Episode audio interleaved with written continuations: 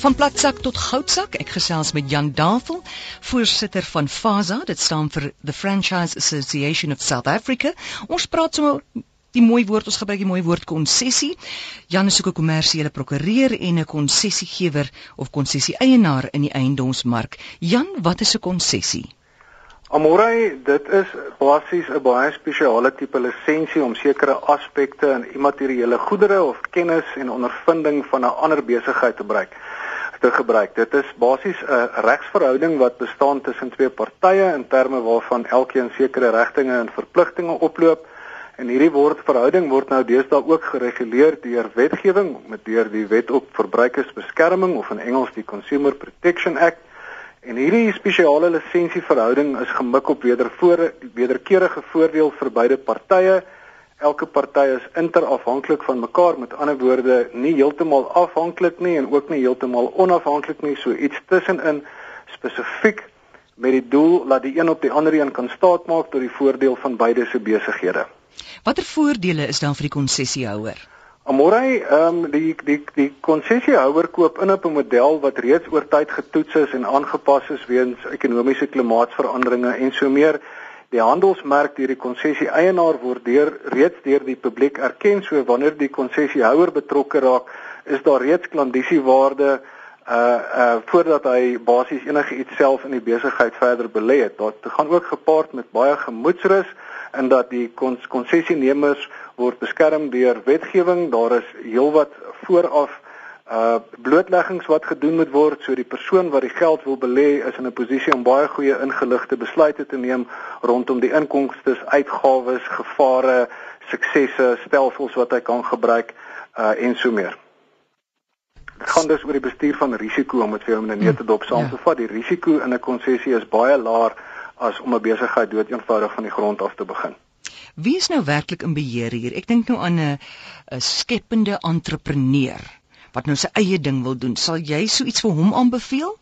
Ja, definitief. Die alhoewel die konsessie eienaar, die eienaar en ook die die bewaarhouer of mens in Engels kan gebruik die custodian, hy is die trustee van die handelsmerk, die besigheidsmodel en alles wat daarmee gepaard gaan. Moet 'n mens daarop let dat die dat die konsessiehouer of in Engels die franchisee ten alle tye nog sy eie besigheid besit en binne die raamwerk van hierdie spesiale verhouding mag hy nog steeds sekere goed doen tot die beste voordeel van homself, sy besigheid, sy kliënte, sy werknemers en so meer. Maar wanneer dit gaan oor wie is werklik die eienaar en beheer, is dit belangrik om daarop te let dat die konsessie eienaar of die franchisor uiteindelik die die die eienaar en die en die belanghebbende persoon in die beste belang van hierdie handelsmerk en besigheidsmodel gaan wees. So as dit kom wees in beheer indien dit nodig is dat die konsessie eienaar of die franchisor sekere aspekte van die besigheid moet beskerm, dan gaan hy uiteindelik in beheer wees want dit is uiteindelik ook in die beste belang van al die konsessiehouers wie daagliks geld in daardie handelsmerk belê. So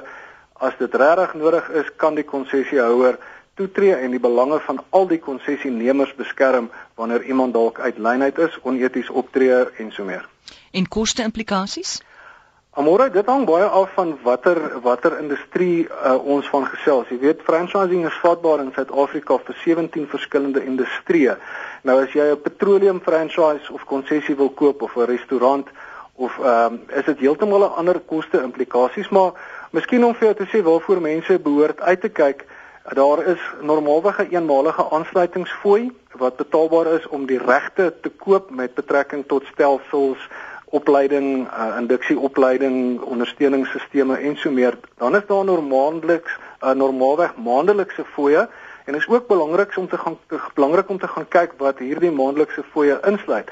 Dit kan byvoorbeeld wees webwerwe, bemarkingsaksies ensovoorts. 'n Derde tipe koste kan tantieme wees of in Engels royalties. Dit is basies 'n gebeurlikheidsfooi waar die konsessie eienaar 'n persentasie van die bruto wins van die konsessiehouer neem. Dan is daar dikwels bemarkingsbydraes, uh, verpligte bemarkingsbydraes en dan moet mense natuurlik ook gaan kyk afhangende van watter industrie mens in werk na sekere hanteringsfooie. Uh, is dit nodig om van 'n sentrale distribusiesentrum af te koop? Is daar verpakkings en vervoerkoste? So daar's ten minste 5 belangrike aspekte om na te kyk, maar om in 'n nette dop weer vir jou die kort antwoord te gee aan môre Dit is dikwels uh in die, die geval waar enkele uh sakeman met sy eie klein besigheidjie wat totaal onafhanklik werk, kan nie al die dienste, voordele, kennis en alles inwin vir 'n laer prys as wat hy van sy konsessie eienaar gaan kry nie. Kan ek as 'n potensiële konsessiehouer vir die konsessie eienaar vra om vir my 'n lys te gee van sê my van sê maar sy vorige konsessie houers om te hoor of hulle weer so stap sal neem? Absoluut, Amorey, dit word inderdaad ook so deur die franchise assosiasie voorgeskryf dat in die blootleggingsdokumente moet die konsessie eienaar 'n baie duidelike aanduiding gee van hoeveel konsessies het hy, hoeveel is suksesvol, hoeveel is onsuksesvol, hoeveel het toegemaak, wat is die redes waarom hulle toegemaak het, die kontakbesonderhede kan moet eintlik verstrek word en dit is baie raadsaam vir 'n prospektiewe uh, konsessienemer om met soveel as moontlik konsessiehouers te gaan gesels oor die ondervinding, die ondersteuning die inkomste, die uitgawes en dit moet baie baie duidelik blootgelê word, nie net in terme van die FASA regulasies en voorskrifte nie, maar ook nou in terme van wetgewing en dis juis waarom ek sê dat dit 'n baie veilige besigheidsmeganisme is vir voornemende entrepreneurs. Hoe kies ek 'n 'n konsessie? Daar is uh, verskeie aspekte waarna 'n mens behoort te kyk. Nou vir 'n beginpunt is dit belangrik dat jy soveel as moontlik lees, vra vra wooninligting sessies by Uh, en ek dink 'n baie goeie beginpunt is om FASA se webwerf te besoek. Dis www.fasafasa.co.za.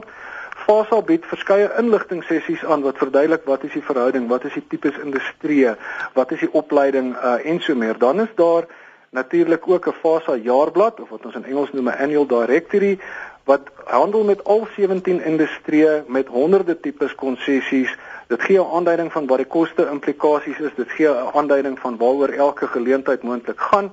Maar op die einde van die dag gaan 'n keuse van 'n konsessie baie afhang van jou eie kennis, jou belangstellings, jou ondervinding, soms jou kwalifikasies en natuurlik ook jou finansiële vermoë. Daar's 'n geweldige verskeidenheid en ook 'n belangrik om te gedagte hou, wat is jou geografiese ligging, waar in die wêreld jy jouself bevind, wie is jou kliëntemark, wat is jou teikenmark en sovoorts. Daar's verskeie diensverskaffers tot fase wat baie nuttige uh kursusse en sessies aanbied onder andere daar's 'n maatskappy met die naam SA Franchise Warehouse wat volledige programme aanbied oor al die verskillende industrieë. Hulle is totaal onafhanklik en hulle bied selfs hulp aan met aanlegtoetse, toetsbelangstelling, doen finansiële toetse, Dan is daar ander maatskappye met die uh, byvoorbeeld soos Franchise Directions en Franchising Plus wat konsultante is in franchising en dan natuurlik miskien vir die gemiddelde man op straat waar hy dalk meer toegang en en toeganklikheid gaan kry en meer gemaklik gaan voel is al vier ons handelsbanke het konsessie afdelings of in Engels franchising divisions wat spesialiseer in franchising en ook hulle bied inligting sessies aan het inligtingstukke en so meer. Jan, dan moet tog slaggate op hierdie pad wees. Inderdaad. Maar moenie vir my nou vertel nie. Jan, Jan, Jan, Jan. Ander dinge in die wêreld is daar maar altyd die slaggate en dit is Jan, Jan, dan moenie nou vir my vertel nie. Ek het ongelukkig nie tyd nie. Kan ons volgende week hieroor praat? Ja, jy's welkom. Die slaggate en dan watter huiswerk moet ek doen voordat ek 'n uh, konsessie eienaar gaan sien? Dit is 'n onderwerp op sy eie en ons kan ja. dit gerus later bespreek. Ja, lekker. Dankie Jan. Dankie Amore. So gesels Jan Davel, voorsitter van FASA. Hy het ook die webtuiste daar gegee wat jy kan besoek as jy meer wil weet oor konsessies en Jan is ook 'n kommersiële prokureur en konsessiegewer in die eiendomsmark.